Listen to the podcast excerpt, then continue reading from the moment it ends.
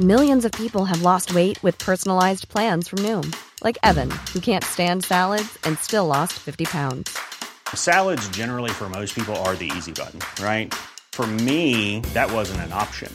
I never really was a salad guy. That's just not who I am. But Noom worked for me. Get your personalized plan today at Noom.com. Real Noom user compensated to provide their story. In four weeks, the typical Noom user can expect to lose one to two pounds per week. Individual results may vary.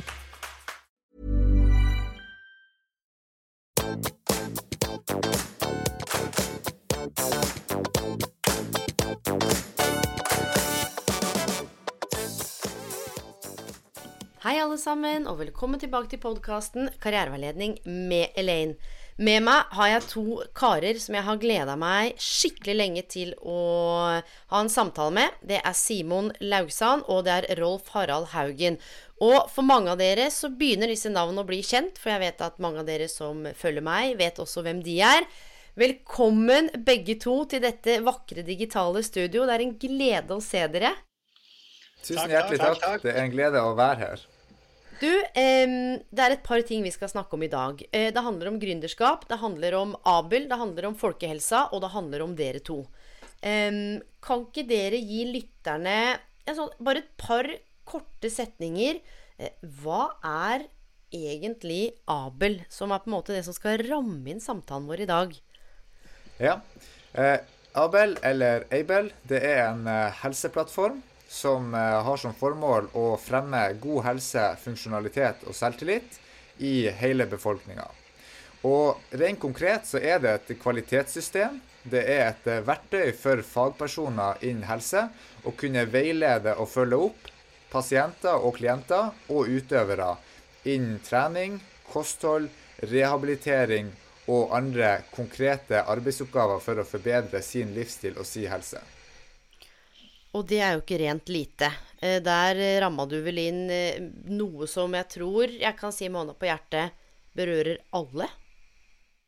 Det er korrekt, og det er det vi opplever også. At når vi nå har testa det her ut på en halv prosent av befolkninga, så er det faktisk at litt uansett hvem du er, så lenge du har en smarttelefon, som jo gjelder de fleste fra 10 år til 80 år, eh, så har du en kropp og du har et hode som har behov for stimulering både fysisk og sosialt og emosjonelt, på en måte som fremmer eh, fysisk, emosjonell og sosial helse.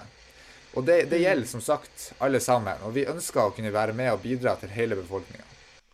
Ja, og da er jeg så nysgjerrig på eh, dere to eh, og deres historie, fordi Um, hvor lenge ble dette jobbet med før det ble starta? Og ikke minst, uh, hvorfor er det dere to jeg snakker med, og ingen andre? Er dette en, en, idé som du tenker ingen andre har tenkt, eller er det fordi dere har executa? Altså, hva, eh, hva, er det som gjør at vi sitter her i dag sammen og snakker faktisk om Abel, da, eller Abel? Ja, eh, vi starta jo med det her, jeg og han Håkon og han Ridge. hele ideen tilbake igjen i 2015, og den var veldig annerledes enn det vi eh, har endt opp med i dag. Så vi hadde en intensjon om å bidra med å kunne eh, hjelpe personer med å forbedre sin livsstil, ut ifra den forståelsen av hva som skal til for å ha en, en god livsstil. Eh, og så eh, starta vi selskapet i 2017 med da en intensjon om å utvikle en kunstig intelligent personlig trener og kostholdsveileder. Og så gjennom kontinuerlig feedback så har vi forbedra og eh, optimalisert både plattformen og produktet og prosessene, sånn at vi i dag er et helhetlig system for fagpersoner innen helse og livsstil.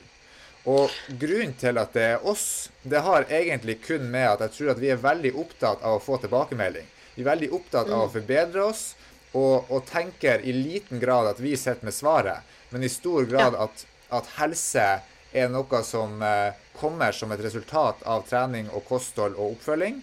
Og at man eh, deretter begynner å lete etter en, en metode å kunne gjøre det her tilgjengelig for hele befolkninga.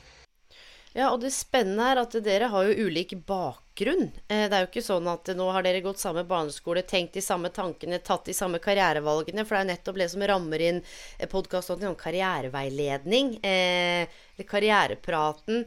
Og det der å se på, hvis man spoler ti år tilbake, eh, hvem av dere er som visste at dere skulle gjøre akkurat det dere gjør i dag? Nei, det var vel eh, egentlig ingen av oss. Eh, personlig så eh, har jeg bakgrunn fra Forsvaret.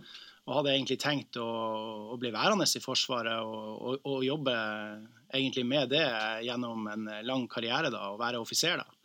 Men eh, som følge av at jeg har både helsefaglig utdanning og trenerutdanning, så, eh, og eh, på bakgrunn av også familiære forhold, så, så ble det naturlig for meg å, å velge en arbeidsplass der jeg kunne på sett og vis være mye mer hjemme, da, eh, istedenfor å pendle. Så det ble mm. min naturlige karriere ut av Forsvaret og inn i bedriftshelse, faktisk, som, som jeg jobba med i noen år etter tida mi i Forsvaret. Mm. Og jeg tenker, og Det er så fint òg, fordi ofte så er, Man tenker gjerne man skal ta dette ene karrierevalget for livet, den ene utdanning eller det ene yrket som offiser. Da, det, ikke sant? Da er det sånn det blir. Men alle vi har jo kjent på, alle som lytter, har kjent på at livet skjer. Det er kaotisk. Eh, ting blir snudd på hodet. Det skjer noe med noen nære. Det kan skje noe i deg selv. Eh, og så er det jo sånn at all erfaring er jo verdifull på en eller annen måte. Så jeg blir litt nysgjerrig på da, Rolf Harald, hva eh, Hvis du skal nevne tre konkrete ting du bringer med deg, da, til Abel fra eh, både utdanningen og, og jeg vet du har jobbet, eh, som du sa, både som offiser, men også med ting som har vært eh, både tøft og utfordrende, og som mange til hverdagen ikke står i. Hvordan eh, bringer det med seg inn i dette, da, i møte med, med andre mennesker og en annen kontekst? Mm, godt spørsmål. Den militære bakgrunnen min den, den, har jeg jo fra spesialstyrkemiljøet. Og det er en plass man stilles høye krav til. Yes. Man må være ganske frampå. Man må være kreativ. Man må egentlig eh, evne og vilje å se muligheter, eh, men det viktigste av alt, man må kanskje gjennomføre. Eh, det å løse oppdrag er kjempesentralt. og det å løse oppdrag sammen med andre er utrolig viktig. Vi har jobba mye i Able for å lage en bedriftskultur som på en måte er fundert på våre verdier, verdibasert ledelse.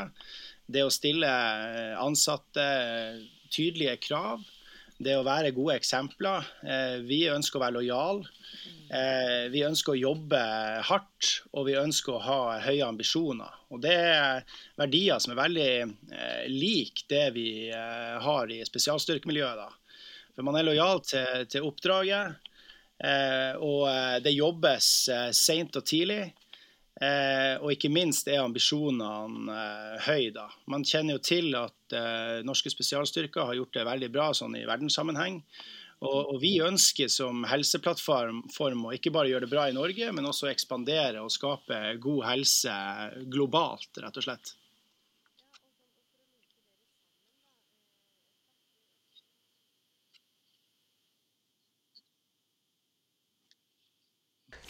Eh, jeg skulle bli eh, fotballproff. Det var liksom eh, det jeg skulle gjøre i livet. Og jeg eh, skulle mm. bli kjempe, kjempegod. Eh, så viste det seg det at jeg var betraktelig bedre til å hjelpe andre med å få god helse enn jeg var til å dominere på en fotballbane. Mm. Så selv om at jeg har spilt profesjonelt fotball i syv år, så rakk jeg ikke noe høyere enn til Obos-ligaen. Som er, er vel og bra, det, men på verdensnivå er det middels pluss, kanskje. Eh, og som eh, personlig trener har jobba som PT i, ti år, tok utdanninga som det i 2012, eh, rett etter videregående. Jeg visste jo ikke hva jeg skulle bli i det hele tatt. Altså, jeg skulle kun, okay. jeg skulle kun spille fotball. Og det var jeg tydelig på når jeg gikk i åttendeklassen, liksom. At det var det jeg skulle gjøre. Og liksom folk, hva du skal bli når du er stor. For jeg hadde liksom bare seksere på skolen. Men det var liksom jeg skulle, ikke, jeg skulle ikke gjøre noe med det. Jeg skulle bli fotballproff, liksom. Og de bare sånn her Nei, du må jo bli lege. Og liksom ja, ja, det kan jeg sikkert bli, men det er ikke det som jeg har lyst til. Og så eh, Gjennom videregående så gjorde jeg det også bra på skolen, men eh, etter videregående så visste jeg ikke hva jeg skulle gjøre i det hele tatt. Altså null peiling. Snakka du med noen om det, eller bare gikk du med det sjøl oppi ditt eget hode? Eller var det sånn at folk ja, hele tiden skulle altså, mene noe da? Det er jo alltid noen som skal mene noe. Jeg hadde jo det høyeste snittet på hele skolen. Eh, og da er det liksom sånn, da må du liksom, da må du gå og lege. da må du bli noe. Ja, da må du bli noe. Det er så merkelig. Eh, så det jeg gjorde da, det var at jeg tok eh, personlig trenerutdanning mens jeg eh, spilte fotball. For det syntes jeg var veldig givende og spennende. Det hadde jeg lyst til å lære mer om, og så for meg at der hadde jeg noe å bidra med. For jeg hadde alltid trent og syntes at det var liksom det artigste i verden. Mm. Eh, og så tok jeg den, og så fikk jeg da samtidig muligheten og tilbudet om å spille på college i USA. Eh, da fikk jeg liksom en sånn såkalt full ride, hvor du får penger for å studere og, og spise og leve sånn. Ah, ja. Og da eh, valgte jeg å studere økonomi og administrasjon, for at det syns jeg eh, var spennende av natur. Ikke fordi jeg visste så mye om økonomi, men jeg visste det at, at eh, der er det masse muligheter og frihet, på et vis. Ikke frihet som at liksom, du har endelig masse penger, men du Nei, har nei, nei. det så enormt mange muligheter. Eh, så da dro jeg til USA, og så spilte jeg fotball. Vi trente tre ganger om dagen fast med laget. Og så hadde vi da eh, skole innimellom. Eh, og så fullførte jeg det jeg tredje året tilbake på Oslo Mett da, i, her i det heter Høgskolen i Oslo Akershus Mm. da. Eh, og fortsatt ikke peiling på hva jeg skulle gjøre, sånn i det hele tatt. Men jeg visste jo det at jeg var, jeg var ordentlig, ordentlig god når det kom til trening. For det hadde jeg gjort. Det hadde jeg liksom 15 000 timer med. Så der var jeg flink. Og så visste jeg det at det syntes jeg var artig. Og så visste jeg at det bidro til god helse på vegne av meg, og både liksom god selvtillit og funksjonalitet og hele den biten. Så det tenkte jeg, det, det må jo ha en verdi for andre. Eh, og så begynte jeg og Håkon og, da, og, og Ridge å jobbe med det konseptet her, hvor vi skulle eh, effektivisere og, og automatisere i stor grad mye av den tenkinga som skjer i en idrettsfysiolog og en ernæringsfysiolog. Da. Eh, men jeg sjøl da var det ikke noe sånn annet enn at jeg hadde, jeg hadde kommet til konklusjonen av at hvis jeg skulle bidra med noe i verden, så var det nok kanskje lurt å gjøre det innenfor det området. For det hadde både en stor verdi, og jeg var flink innenfor det feltet. Og så har, det på en måte, har vi jo jobba med det kontinuerlig siden da. Så det er jo nå åtte år siden i, i sommer. da. Ja, Hvor mange ansatte eller hvor mange tilknytta har dere per nå? Det er vel litt over 50 ansatte på verdensbasis. Ja, fordi, og det jeg har lyst til å si, da, det som er så spennende sånn fra et karriereveiledningsperspektiv, er jo nettopp dette med sex, og du skal bli le... Altså disse narrativene eller eh, forventningene andre har, eller hva slags bilde man har av noen som er flink på skolen, eller hva slags bilde man har av en offiser, eller ehm, og at det er, så, det er- så mangefasettert, og vi er så mye mer enn yrkene eller karakterene eller titlene. Uh, og helse er jo også mye mer enn det jeg tror mange forbinder det med. Uh, og jeg tror det er derfor jeg syns dere er så spennende, og dette er så spennende. For det er en annen måte å integrere det på, mer enn spis det, få disse bicepsene. Men, men det er noe på en måte som handler om livsmestring, livslang læring, karrierehelse, ikke sant. Det der å eh, Jeg tenker mye på sånn Å, nå er det ferie, nå skal vi bort fra jobben, nå skal vi bort fra livet. Nå skal vi lade opp. Ja, men det er jo hverdager det er flest av. Eh, hvorfor skal vi bort fra livene våre? Og jeg blir så nysgjerrig på, fordi mye av det jeg både hørt, ikke sant? jeg har lest og har gjort research, og vi har jo møttes Å, det har gått fra null til 100, og dette her har vært helt sykt. Og, og så blir jeg nysgjerrig på, fordi jeg vet jo at dere har jo snakket om dette mange ganger, både i forhold til rekruttering, og dere er ute der med Virke, og det er storting, og det er store ting som skjer.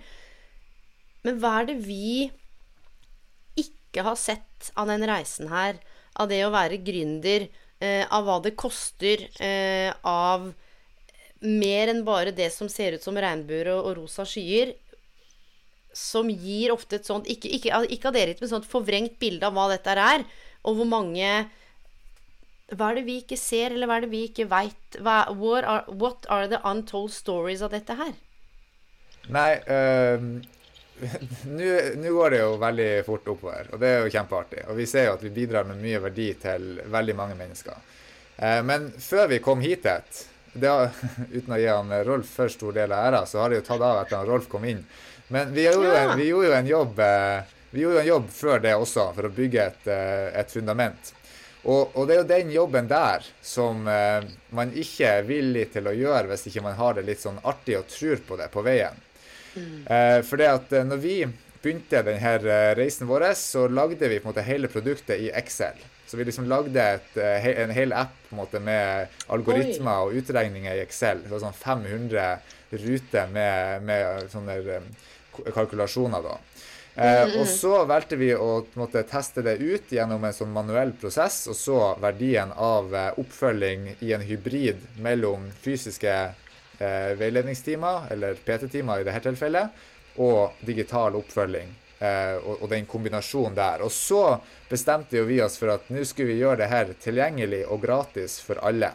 Altså personlig trening og ernæringsveiledning tilgjengelig og gratis for hele verdens befolkning, det var det som eh, Able Technologies AS ble stifta på da, tilbake i 2017. Og da ble det jo sånn at da må vi jo lage noe som ikke har en kostnad i form av arbeidskraft. Så vi måtte lage noe med kunstig intelligens og maskinlæringsalgoritmer. Yes. Og det fikk vi mye penger hos eh, bl.a. Innovasjon Norge for å utvikle. Og alt vi har utvikla der, har, vi, har gitt oss et konkurransefortrinn i det som nå er den løsninga vi har. Eh, mm. Men det vi glemte av, det var Eller glemte av, vi, vi valgte jo tydeligvis å, å, overse det. Det var den verdien av eh, fysisk oppfølging og ansvarliggjøring og anerkjennelse fra et annet menneske i motivasjonsprosessen. Så når vi lanserte det første produktet i januar 2019, så var det masse folk som liksom hypa det opp og lasta det ned og prøvde det ut. Og tre måneder seinere var det nesten ingen som brukte det. Og, det. og, det. ser man jo ikke. At når man da har jobba i egentlig fem år, og så er det bare helt tilbake igjen til null, på en måte.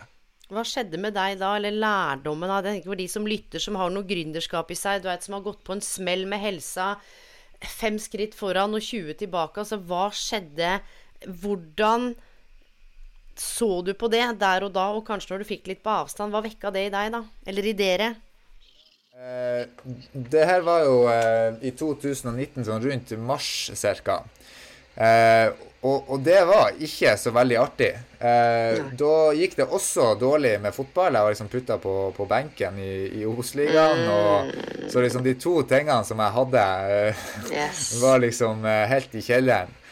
Eh, og det var, det var, ikke en veldig OK opplevelse. Men vi var jo Det er to ting som jeg og han Ridge, som er de hovedgründerne, vi er jo på en måte aldri opp Eh, og det, det, er bare ikke et alternativ, sånn uansett.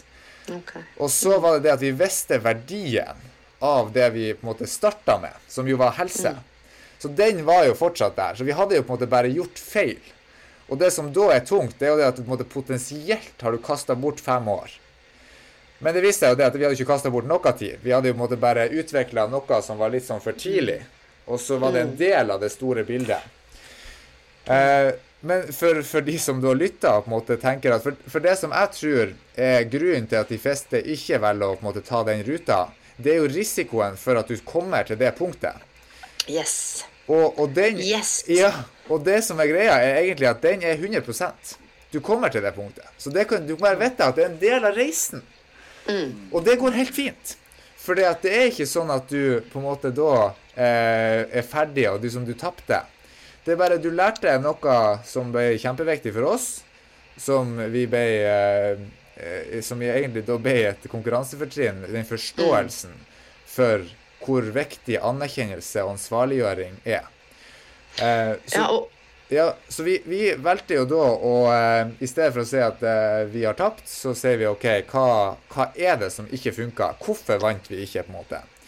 Og, og, da rekrutterte vi 30 personer som var, hadde til, altså tilhørighet til Tromsø via ei sånn Facebook-gruppe om trening og kosthold. Og så sa vi at OK, vi skal gjennomføre et studie hvor man får personlig trening eller digital oppfølging.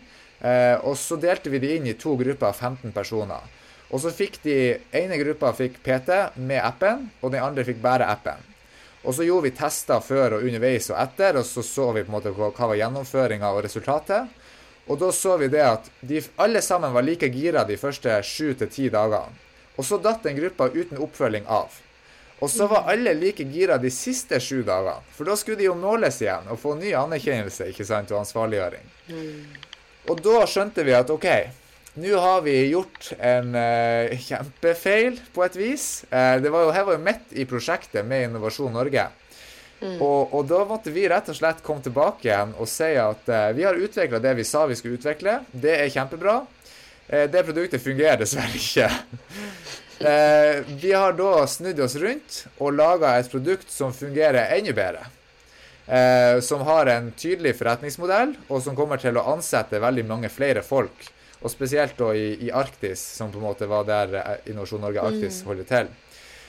Eh, så vi snudde det jo på en måte til en, en positiv ting. Men det er, jo, det er, jo, blytungt når du er i det akkurat der og da. For det at uh, du klarer ikke å se utover den siste uka og den nærmeste uka. Og det er bare svart, og det er bare svart, på en måte. Ja, for det som var så spennende også, som slo meg når du snakka om at du både ble benka og den smellen her, eh, så hadde du For jeg ser deg jo, ikke sant, så hadde du tidenes største smil. Altså Det så ut som noen hadde sagt at du har vunnet i Lotto. Altså, sånn, når du tenker tilbake på det, i hvert fall sånn som jeg observerte, så var det sånn du var glad, eller det, det, ligger noe sånn læring, eller det var noe verktøy. Det er i hvert fall et eller annet jeg tipper i det du ble benka, og den smellen her kom, var det sånn Ok, som du sa, nå er det mørkt. Men um, Søren Kirkegård sier at livet må leves forlengs, men forstås baklengs.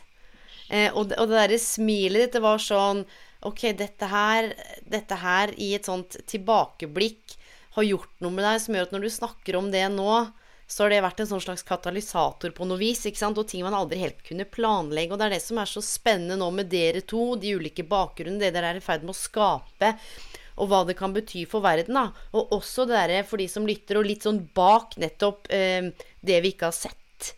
Fordi man er jo vant til å fortelle litt av den samme historien. Pakka inn i de samme narrativene, fordi folk spør om det samme. Og jeg liker jo ting som er annerledes. Og dere er annerledes, og dette er annerledes. Eh, og da tenker jeg for deg òg, Rolf Harald, i forhold til det Simon beskriver. For du var med Var du der i 2019, da, eller kom du inn etterpå? Nei det som var litt uh, interessant, det var jo at jeg kom jo inn uh, Jeg kom litt sånn til dekka bord. Mm. Uh, problemet var bare at han Simon hadde fokus innover. Han var personlig trener, og han jobba mye med det, altså i én-til-én-relasjon. Så det som egentlig eh, gjorde altså, Det var ikke noe jeg gjorde som ga effekt, det var egentlig noe jeg sa. eh, jeg lanserte ideen om at han, Simon ikke skulle drive med personlig trening én til én, men at han skulle lede selskapet og utviklinga av applikasjonen. Og Da måtte vi flytte blikket framover, for jeg hadde noen ideer til hvordan vi kunne utvikle appen eh, mer, og hvordan vi kunne samarbeide bredere. Så det å eh, få nye partnere inn, det å tenke enda større eh, ved å etablere en form for økt relasjonskapital. Da. Altså man, man, man finner eh, bedrifter, personer, organisasjoner, andre virksomheter som er relevant for det man gjør. Og så potenserer man egen aktivitet gjennom å være relevant for andre. Å være relevant på den måten at man etablerer felles insentiver, så at man samarbeider mot Eh, felles mål. Og Det er jo egentlig det som eh, kaller, altså Det er jo åpenbart, den som har fulgt med oss, de ser jo at det er det som har skjedd. Men det er på en måte hemmeligheten bak å nå langt. Det er å finne partnere man stoler på. Eh, og andre aktører i markedet som, som vil det samme. da. Og så gjerne tufte det på verdier, tufte det på overordna målsetninger. Vi, vi adapterte jo et av FNs bærekraftsmål med, med god helse, f.eks. At vi skal bidra til det. Det er jo ingen som ikke vil ha god helse. Det er jo det alle strever etter, og det er jo det som for noen gir status i dag. Så, så det å liksom tenke at eh, vi har et eh, verktøy, hvordan kan vi bruke det på flere områder, i flere bransjer? Hvordan kan vi levere bredere tjenester og, og, og tenke nytt? Så det å være kreativ og på en måte holde litt igjen og, og få litt helhetsoversikt, det er, jo, det er, jo, det som har gjort at vi har landa avtaler med eksempelvis eh, Antidoping Norge. Da. Det er viktig for oss at, eh, at de som eh, på en måte kontakter trenere som bruker Aibel, kanskje har tenkt gjennom viktigheten av å ta et klart standpunkt mot doping. Og jeg som kommer fra Forsvaret, det var liksom utenkelig i miljøet jeg var, at, at man skulle bruke doping da. Men, men, jeg skjønner jo at det er jo det er jo en utfordring eh, i enkelte miljøer at det er det man eh, på en måte tyr til. da. Men systematisk, god trening, oppfølging av en omsorgsperson vil jo gjøre at eh, behovet for det rett og slett er helt ulogisk. Ja, og det er akkurat dette her, for det er mange innfallsvinkler inn og bare se på doping. Det, det er jo ikke, ikke sant? De fleste vet jo at det ikke er supersmart, men det er jo nettopp den derre higen eller jakten eller streben etter noe Eh, om det er muskler eller helse eller utseende eller hva det er for noe. Eh, vet, og bare det å røyke Det er ingen som tenker sånn nå, nå begynner jeg å røyke fordi eh, det er smart. Det handler om at det er sosialt forsterkende. Ikke sant? Og når du begynner å snakke om verdier, så tenker jeg altså helse, valg, vaner, trade-offs. Det å ligge på sofaen og slappe av kontra det å faktisk gå seg den turen. Vi mennesker deler jo samme nevrologi, så vi Noen av de samme knappene fungerer på de fleste av oss. Og det virker som om Og det jeg likte, som du sa, Simon, var dette med det sosiale, det emosjonelle, det psykologiske. Det er flere ting som spiller sammen. Og så blir jeg litt sånn nysgjerrig på, da, for det å være gründer eller det å sette i gang noe Har dere møtt noen som ikke har trodd på dere, og hva har det gjort med jo, jo, men noen blir jo påvirka og tenker sånn når, når, du fører nok ganger at 'dette her fins jo, dere er ubrukelige', altså kom Så gjør det jo noe. Og hva Ja, hva tenkte Hvis du ser tilbake, da, kan dere si noen ting om det? Ja, sånn rent ikke tror på oss. Eh, jeg har det, tenkt sånn Dette her kommer ikke til å funke nå. Det er ja, ikke. Og, og det, det, det, er ei gruppe mennesker som, eh, som ikke har trodd på oss. Som rent sånn ikke tror på oss. Og det er investorer. Og, og, der, det er et ord som han eh, Rolf bruker å bruke, som er Det er eh, at du altså ubevisst inkompetanse. Yes. Fordi de vet ikke at vi har eh, kompetanse, rett og slett. De forstår ikke det som vi forstår. Og eh, det er jo I etterkant så er det veldig synd for de. For de fikk en mulighet til å kunne eh, bidra til noe som er større enn de sjøl. De fikk en mhm. eh, mulighet til å være viktig, og de fikk også muligheten til å kunne få en god økonomisk avkastning. Og valgte å ikke ta den muligheten pga. at de ikke hadde tilstrekkelig kompetanse eller informasjon om hva som er reelt i verden. Eh, og det har jo selvfølgelig vært litt eh, tungt av og til. Eh, spesielt i, i, starten, hvor du ser opp til de her personene, før du forstår at å ja, men de var jo ikke så flinke. Det var jo derfor de ikke valgte å gjøre det. Og det er jo på en måte det som er realiteten. Men, men eh, hvis jeg på en måte skal, skal gi noen tips der til, til andre, mm. så er det at hvis du vet, og du vet sånn 100% sikkert at du har noe av verdi, så kan du vite at de tar feil. Uansett hvor mye de en måte, ser ut som at de har rett. De har hvordan vet man at man har noe av verdi? Hvordan vet man det? Ja, Det har du i, i en interaksjon med et annet menneske, så opplever du om de får verdi ut av det. Blir de lykkelige? Eh, opplever de eh, verd, på en måte? Eh, bidrar det til deres liv på en positiv måte? Og hvis ja, så har du noe av verdi. For det er det ene som betyr noe. Det kan du skape verdi for andre mennesker. Og, og kan du det, så, så nytter det ikke hvor mange som sier at nei, det er ikke verdifullt. Altså, ja, det er en ting også Det, det er en sånn balanse i hvor mye man kan utfordre. Og det har vært en læringsprosess eh, for oss. Eh, hvor, eh, altså, hvem kan vi utfordre når?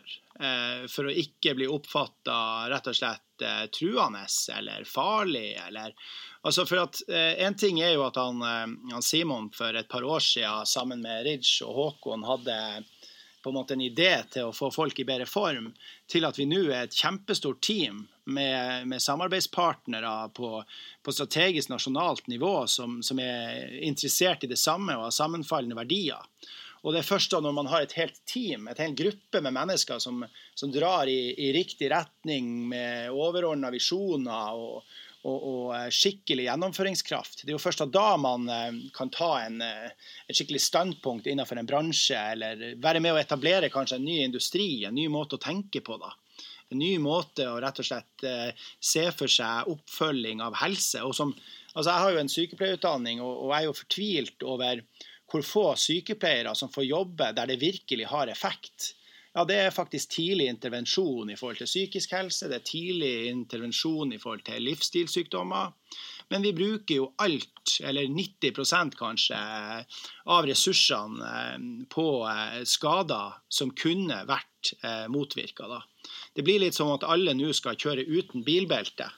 Sånn at eh, vi, vi, er liksom ganske langt foran nå og kan liksom tilby et produkt som vil være enormt samfunnsøkonomisk eh, besparende. da.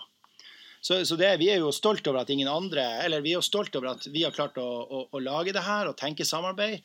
Og, og, undres jo litt over hvorfor um, ikke andre har gjort det, det før oss. da. For det er, det er ganske sunn fornuft at uh, frisk luft og litt puls og at du tar litt i uh, ved jevne mellomrom er bra for kroppen. da. Ja, og i tillegg at noen, noen bryr seg litt om det også. Uh, nettopp dette med, med teknologi og det mellommenneskelige. Er det noen av investorene som har banka på døra etterkant og sagt sånn Du, jeg veit at jeg var litt småkjip, men Jeg lurte på, er det mulig å få bli med, eller? Dere er egentlig ganske ålreit. Og hvordan har dere møtt de, da? Nei, og, og vi er jo Altså, vi er jo knalle, knalle hard på lojalitet. Altså det, det går liksom begge veier. Okay. Og det vil okay. si at er du, er du med oss fra starten, så beskytter vi deg med alt vi har og makter.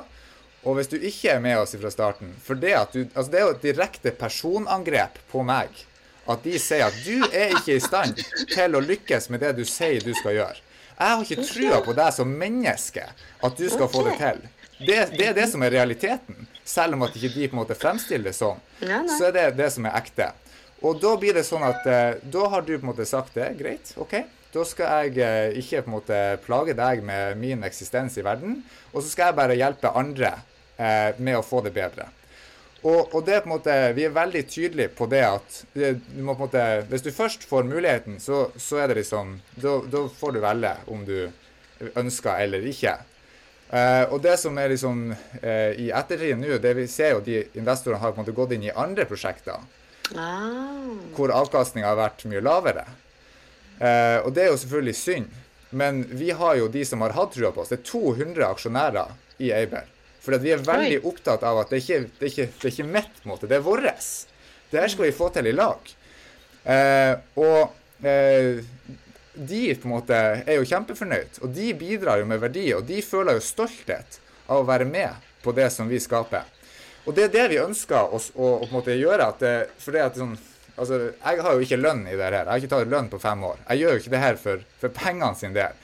Det er klart at det kommer til å være økonomisk avkastning der framme, ja, ja. men, men, jeg gjør det jo fordi at jeg har lyst til å være med på å skape en, altså noe stort. Jeg har lyst til å gjøre en forskjell for mange, og jeg har lyst til at vi skal gjøre det i lag. Um, og det opplever vi jo nå med de 50 som vi har i teamet, og de ja, iallfall 50 samarbeidspartnerne som vi har. At det her, det her, er liksom noe vi kan få til. Vi kan faktisk gjøre en reell forskjell i verden. Mm. Og, og eh, vi har jo f.eks. de samme ansatte som vi starta med. Selv om at vi kanskje kunne ha fått noen som var hakket bedre, så er det helt irrelevant. For at hos oss er det lojalitet som gjelder. Og da er vi heller sånn OK, kan vi forbedre de ansatte som vi har, sånn at de kan mm. levere maks verdi? Det, det, er ikke interessant å se på OK, kan vi få noen som, å, som er marginalt bedre, for at nå har vi mer penger, på en måte. Mm. Og det er litt det samme med de, eh, med de investorene, da. At nå er det jo Alle vil jo inn. Det, det, er jo helt, det er helt spinnvilt. Vi skal samle nå eh, over 30 stykker i, i, Tromsø i slutten av eh, ah. måneden. Og, og det, er måte, det, er jo rift om å få lov til å være med. Eh, men de som ikke får lov å være med, det er de som på en måte da hadde sagt at eh, du har ingen verdi som menneske. på en måte. Og da blir det sånn greit, da snakkes vi. Ja, og jeg tenker det også en sånn tydelighet, da. Og jeg tenker noe av det at du kjenner det så personlig. For det er det jo ikke alle som gjør. Jeg har jobbet med mye ulike eh. Ja, ja, nei, men da trodde de ikke på prosjektet. Men det handlet ikke om meg. Eh, men du er på en måte så godt integrert i det, da. Eh, med hud og hår. Og så lurer jeg på sånn Vi, vi, vi begynner sakte, men sikkert å, å nærme oss altså slutten av samtalen, for den skal være litt sånn short and sweet. Og, men det jeg er litt nysgjerrig på Nå har dere både jeg så dere var innom Stortinget en liten tur. Eh, og også Mieline, som er bransjedirektør i Virke. Hvor, hva er det dere holder på med akkurat nå? Og hvor er dere på en måte Hva er det som skjer nå og fremover? faktisk et veldig bra spørsmål, for vi starta, vi starta jo dagen eh, i møte med en av de siste samarbeidspartnerne som vi har signert opp. Vi, vi lanserer faktisk i dag Eh, at vi har tegna opp en avtale på fem millioner med Helsepartner Nord-Norge. Og vi skal sammen med dem eh, utvikle digitale tjenester eh, på bedriftshelsetjeneste. Vi skal utvikle digitale tjenester på rehabilitering på et ganske høyt nivå da framover. Og det er jo en artikkel på vei i Nordlys vi er på forsida av dagens avis, og det er jo litt artig.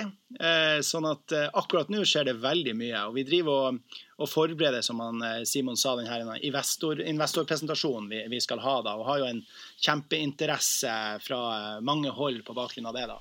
Mm. Og apropos helse, da, for å knyte det litt sammen med plattformen. Hvordan eh, hviler dere? Hvor er det dere på en måte For nå er det kjør, og det er mye, ikke sant? Og det er store eh, Litt den derre Practice what you preach. God helse. Eh, hvor er dere i det landskapet? Og har dere kjent på å ikke ha god helse i dette her, og faktisk tatt noen grep? For det er jo noe med den integriteten og lojaliteten først og fremst til seg sjøl. Eh, for begynner man å gå på akkord, så skjer det også noe nedover i leddene. Hvis vi skal snakke om kultur og lojalitet, så hvordan er lojaliteten på egne vegne i forhold til å ta vare på egen helse? Og det er litt sånn kleint spørsmål, for da er det jo dumt å si nei, jeg har ikke tatt vare på meg sjøl en stund. Men det er også det å være menneske. For livet skjer, og det å kunne hente seg inn igjen. Så hvordan har det vært i denne prosessen, da? Vi er veldig tydelige på det i Aibel. Eh, for det at, hva, hva, er det vi gjør? Hvorfor eksisterer Aibel? Jo, det er for Nettopp. å bidra til god helse, god funksjonalitet og god selvtillit hos alle mennesker. Og det, det er det vi gjør. Altså alt vi gjør, er bare det. Det vil jo si at hvis vi jobber i Aibel og ikke gjør det, så det, det, da feiler vi på, på det første. Vi prøver jo ikke engang på det første. Så alle i, i, i, selskapet er, eh, er faktisk nødt til å eh, ta vare på egen helse først. Og det gjør vi jo da gjennom at vi trener. Så jeg trener jo en fem-seks ganger i uka med coach. Jeg har to coacher sjøl. Så jeg, altså, jeg tror oppriktig på det å ha en fagperson som skal hjelpe meg på det som jeg Altså, jeg er en kjempeflink PT, men likevel så er ikke jeg norgesmester i turn, f.eks. Som jeg har en turntrener som er. Og så er jeg ikke eh, den sterkeste på en måte i Norge, så jeg har en, en styrkecoach også. Og så er jeg veldig opptatt av det her med, med kosthold på, på, vegne av alle. Og, og, det er klart at det er, det er, rom for å få lov til å ha sitt eie, men det er, det er veldig opptatt av at alle, og også inkludert oss sjøl, skal opprettholde både ei, ei positiv kroppssammensetning og ei, et næringsinntak som er, er hensiktsmessig. Og så må vi jo selvfølgelig passe på å få nok søvn. Og det er vel kanskje der hvor eh, jeg i løpet av noen perioder her har eh, gått litt på akkord. Hvor det har vært liksom jobba 19 og 20 timer. 5, 6, 7, 8, 9 timer, dager på strekk, på en måte. I strekk. Mm. Eh, og, og, det, liksom, det, det, skjer jo. Og da er det veldig veldig viktig å på en måte se at OK, nå går jeg på akkord med egen helse, og så ser jeg OK, nå skal jeg eh, ta og sove litt mer. Så prøver konsekvent å få 7,5 til 8 timer søvn hver dag mm. også. Men det også å vite at det i perioder ikke sant? At man rammer det inn i perioder. For jeg tror ofte, i hvert fall fra karriereveileder, jobbet mye med utbrenthet og ikke sant? med ulike ledd i, i ulike roller. Så har det gått over så lang tid. Med stress, med kosthold, og det er så mye spennende, ikke sant. Og det er jo endorfiner, det å jobbe, ikke sant. Ny investor, nye ting skjer, ny utvikling. Man er et team, her er det go. Eh, sånn at man nesten kan overleve på mindre. Eh, både mat og søvn. Eh, men det å på en måte vite at ok, i denne perioden, også sette også disse grensene. Mm. For det tenker jeg også er fra karrierehelseperspektivet også, hvis jeg skal snakke om karriere. Dette med å sette grenser, dette med å kjenne seg sjøl, dette med å ta egne behov på ansvar. Eh, eller ta ansvar for egne behov, for det er også noe som forplanter seg nedover i en organisasjon. Er du Ja. Helt riktig. Og, og eh, et av triksene, da, eh, hvis man skal ha en snarvei til å slappe av, så er det å fjerne bekymringer. Hvis man klarer å fjerne bekymringer på de forskjellige nivåene, da, enten det nå er økonomi, om det er liksom framtidig effekt av det man holder på med, virksomhetens utvikling Hvis man klarer å fjerne den typen bekymringer, eh, så, så, slapper man mye bedre av. Da blir man liksom ikke liggende og tenke og man liksom blir jobbende hele tida for at man ikke når målet. da.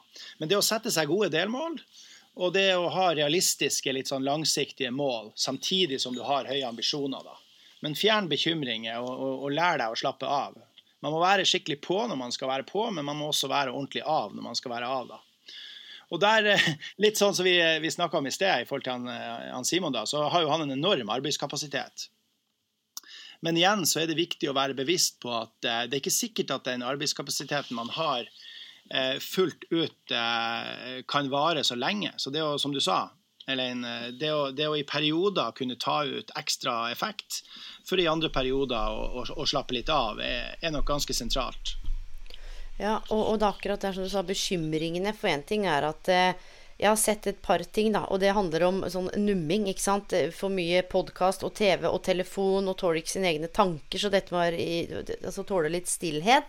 Og sånn fake resting. At man later som man hviler, eh, men hodet er skrudd på.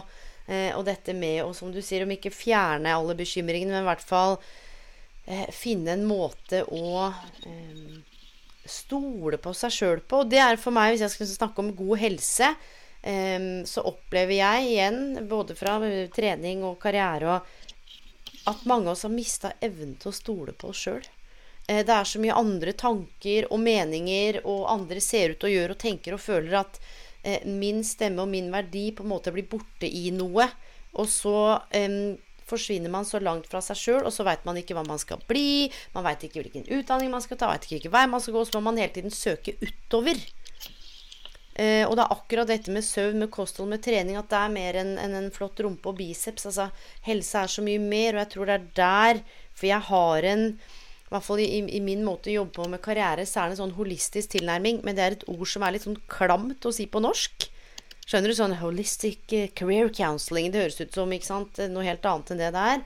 Men den helhetlige tilnærmingen som Abel har, det er den som gjorde at jeg ville ha dere her. Fordi dere favner bredt, men har en sånn klar kjerne. Mm. Um, og da har jeg lyst til å avslutte med å spørre dere om noe. Til de som lytter nå. Sant? For vi vet jo at karrieren kan jo ikke ses på som isolert fra psykisk helse, fysisk helse, økonomi, nære relasjoner, spiritualitet, hobby, personlig utvikling.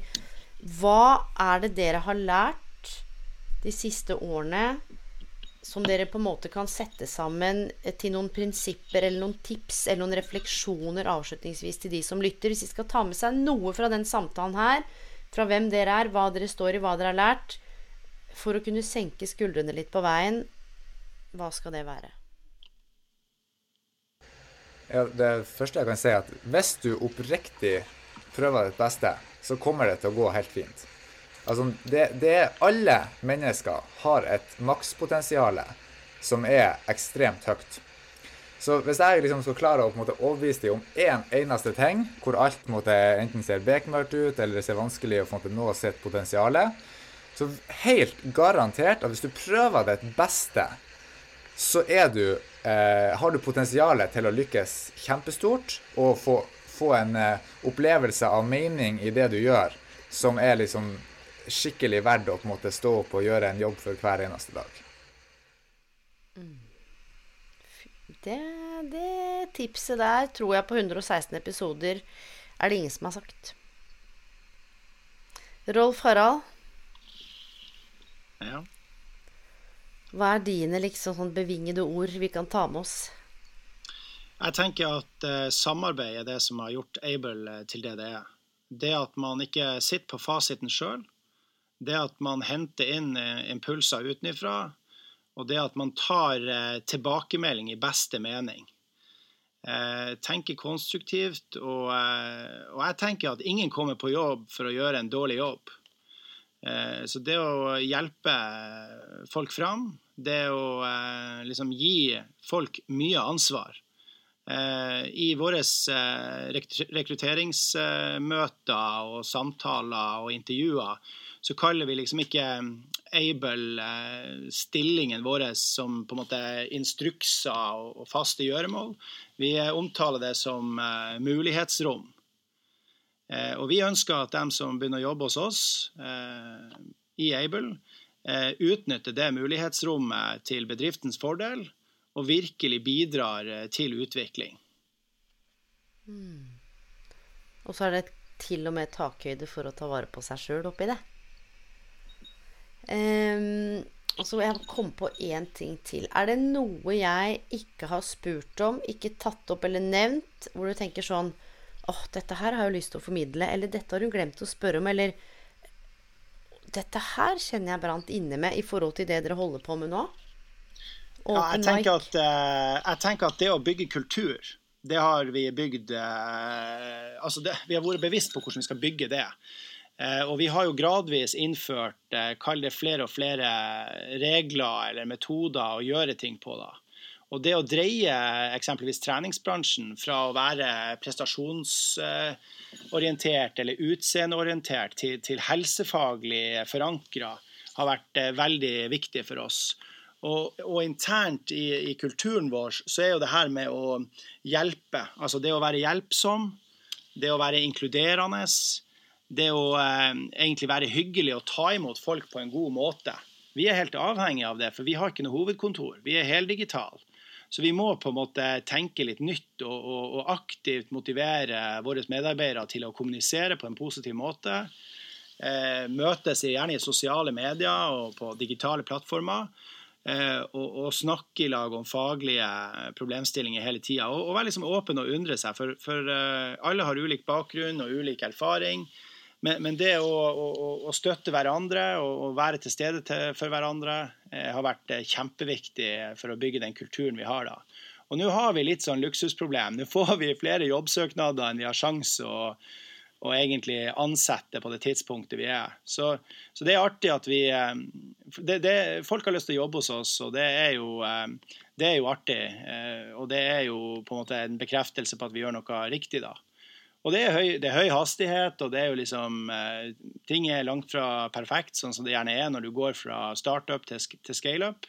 Men det er en skikkelig drive og en god energi i, i organisasjonen da. Mm. Og jeg tror dette med det perfekte, eller akkurat det du sa der Jeg tenker mer enn på en måte en perfekt organisasjon, så er det en robust organisasjon. Og jeg tror det er det på en måte er en sånn kjerne hvis, hvis, det er én ting jeg ønsker for sønnen min, så er det at han skal være robust mer enn at han er perfekt. Han skal tåle å gå på en mm. smell i 2019. Han skal tåle å bli benka. Vi skal feire en 13.-plass. Eh, eh, og hvis du begynner å se på sant, alt fra barneoppdragelse til å drive firma, hvordan også alt henger sammen eh, Og det der også kunne si at nei, vi er ikke perfekt, vi er heldigitale. Ting skjer, livet skjer, det skjer ting med ansatte, det er mye uforutsett. Men den robustheten og den eh, tryggheten, da, jeg tenker at, eh, Og jeg liker det når jeg snakker med dere, selv om vi er digitale, så um, det er jo hel ved. For jeg snakker med mye folk, og mm. noen så tenker jeg sånn Her er det mye prat og lite hjerte. Og her er det mm. uh, mye, mye, prat og mye hjerte, og det er en sånn fin en fin blanding. Eh, og helse er jo i alle fall fremtiden, og teknologi er fremtiden. Så jeg veit you got busy schedules, men det å bare Ja, ja, vær så god, Simon. Simon. Jeg, jeg, vil gjerne si noe om det med perfeksjon. For det at eh, det er jo et sånt uttrykk som kommer opp overalt. Eh, og så føler folk seg dårlig for at de ikke er perfekt. Men nå er det sånn jeg er ekstremt glad i matematikk. Og eh, perfeksjon som begrep er umulig. Det har aldri og kommer aldri til å eksistere i verken dette universet eller i noen andre universer. Og, og det gjør at vi trenger ikke engang å prøve på det. Så det å heller tenke OK, forbedring og det vil jo si at man skal jo da ikke sammenligne seg så sykt mye med alle andre, men sammenligne seg med seg sjøl. Og så kan man gå til andre og se på referanserammer for å sette seg mål. Men du skal kun måle framgang mot deg sjøl. Og så ser du ok, hvordan ligger jeg an i forhold til de her målene. Og hvis jeg har framgang, så kommer du til å oppleve lykke. Det er sånn hjernen vår er laga. Så det er liksom det jeg vil, vil avslutte med å si. Det er at eh, perfeksjon det eksisterer ikke. Har aldri, til, har aldri og kommer aldri til å eksistere, så det trenger vi ikke å prøve på. Tenk OK, nå skal du sette deg et mål, og kan du hente referanser fra andre. Og så er det kun fokus på deg sjøl. Hvordan kan du forbedre deg sjøl best mulig for å nå det målet? Og så måler du din egen framgang, og så kommer du til å ha det fint. Du, og det er akkurat det der. For det er kjernen i mye av det jeg også jobber med. Og det jeg ser, og det også folk tenker, er helse, jobb, karriere, livet, partner. Jakten, det, det utopiske. Det perfekte. Eh, hvor kommer det fra? Ikke sant? Det at det ikke eksisterer eh, Jeg spør du hvor det kommer fra. Altså, hvorfor, hvorfor ja. jobber jeg mot det? Nei, det har med trygghet å gjøre. For at hvis vi er perfekt, så er vi også untouchable. Eh, og det er helt naturlig å ville være trygg. Eh, men det er en del av livet å ikke være udødelig. Og det er liksom sånn eh, Det var litt synd, men vi kan ikke gi opp av den grunn, på en måte. Og så kan vi heller jobbe med å bli sterkere og sterkere. Og det er både psykisk og mentalt og eh, sosialt og, og eh, emosjonelt og finansielt osv. Så, videre. så fokusere på å bli sterkere og sterkere. Men det er umulig å bli eh, unbreakable og på en måte være untouchable. da. Og er ikke det, mine venner og dere som lytter, en freaking befrielse? Det er, det er dette ene livet her. Eller for noen så er det kanskje flere liv, da. Eh, men hvem man sammenligner seg med. Eh, og det å sette seg ned og faktisk tenke litt over de tingene vi har snakket om nå, særlig det dere har løfta fram, at det ikke bare er store ord og 'dette var en kul podkast', men hva, hva, hva, er, hva er det vi faktisk snakker om? Hva er det dette her betyr, både på mikro og makro? Og jeg har veldig lyst til å si tusen takk for, for, tiden deres. Og jeg gleder meg jo til vi ses igjen i en eller annen form og farge. Og hvor er det folk kan finne ut av mer om dere? Hvor kan jeg lese hjemmesider? hjemmesider? Altså, hvor ja, er det vi Instagram kan komme oss på? så har du able.health. Og så er jo Able Technologies AS på LinkedIn. Der på de to er det mye bra informasjon. Eh, hvis man er helseperson, fagperson innen helse, enten man er trener eller fysioterapeut eller sykepleier eller lege eller whatever, så finner du oss også på nettsiden. Og så er vi veldig opptatt, som Rolf sier, av samarbeid. Så hvis du tenker at det her, det her tror jeg på, det her har jeg lyst til å være en del av, ta, ta kontakt med oss. Legg meg til på Facebook eller Rolf eller noen andre i teamet. Vi er veldig opptatt at vi skal lytte til det du har å komme med, gitt at du har den samme visjonen og, og måtte, ønsker å få til det samme som oss. Enkelt og greit. Hæ? Herregud, så fine det er. Um, tusen takk for tiden deres. Og mine venner som lytter, hvor enn dere er i verden, da vet dere hvor dere kan finne Abel. Da vet dere hva dere har å reflektere over. Um, og så tenker jeg muligens en eller annen gang frem i tiden at det her kommer til å bli en del to. Kanskje med noen Q&As, eller at man tar en liten sånn innsjekk. Husker du tilbake til dette? Ja, hva er det som har skjedd nå? Eh, og det er en glede å få lov til å ha dere her og få lov til å følge med, og dere gjør viktige ting. Eh, putting a ding in the universe. Og så håper jeg dere får en fin dag, og så ses vi og snakkes snart. Ha det godt, alle sammen! Det bra.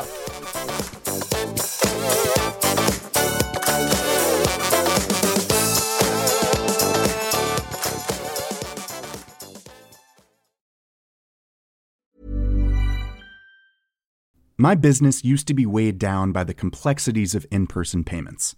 Then, Tap to Pay on iPhone and Stripe came along and changed everything. With Tap to Pay on iPhone and Stripe, I streamlined my payment process effortlessly. Now I can accept in person, contactless payments right from my iPhone. No extra hardware required.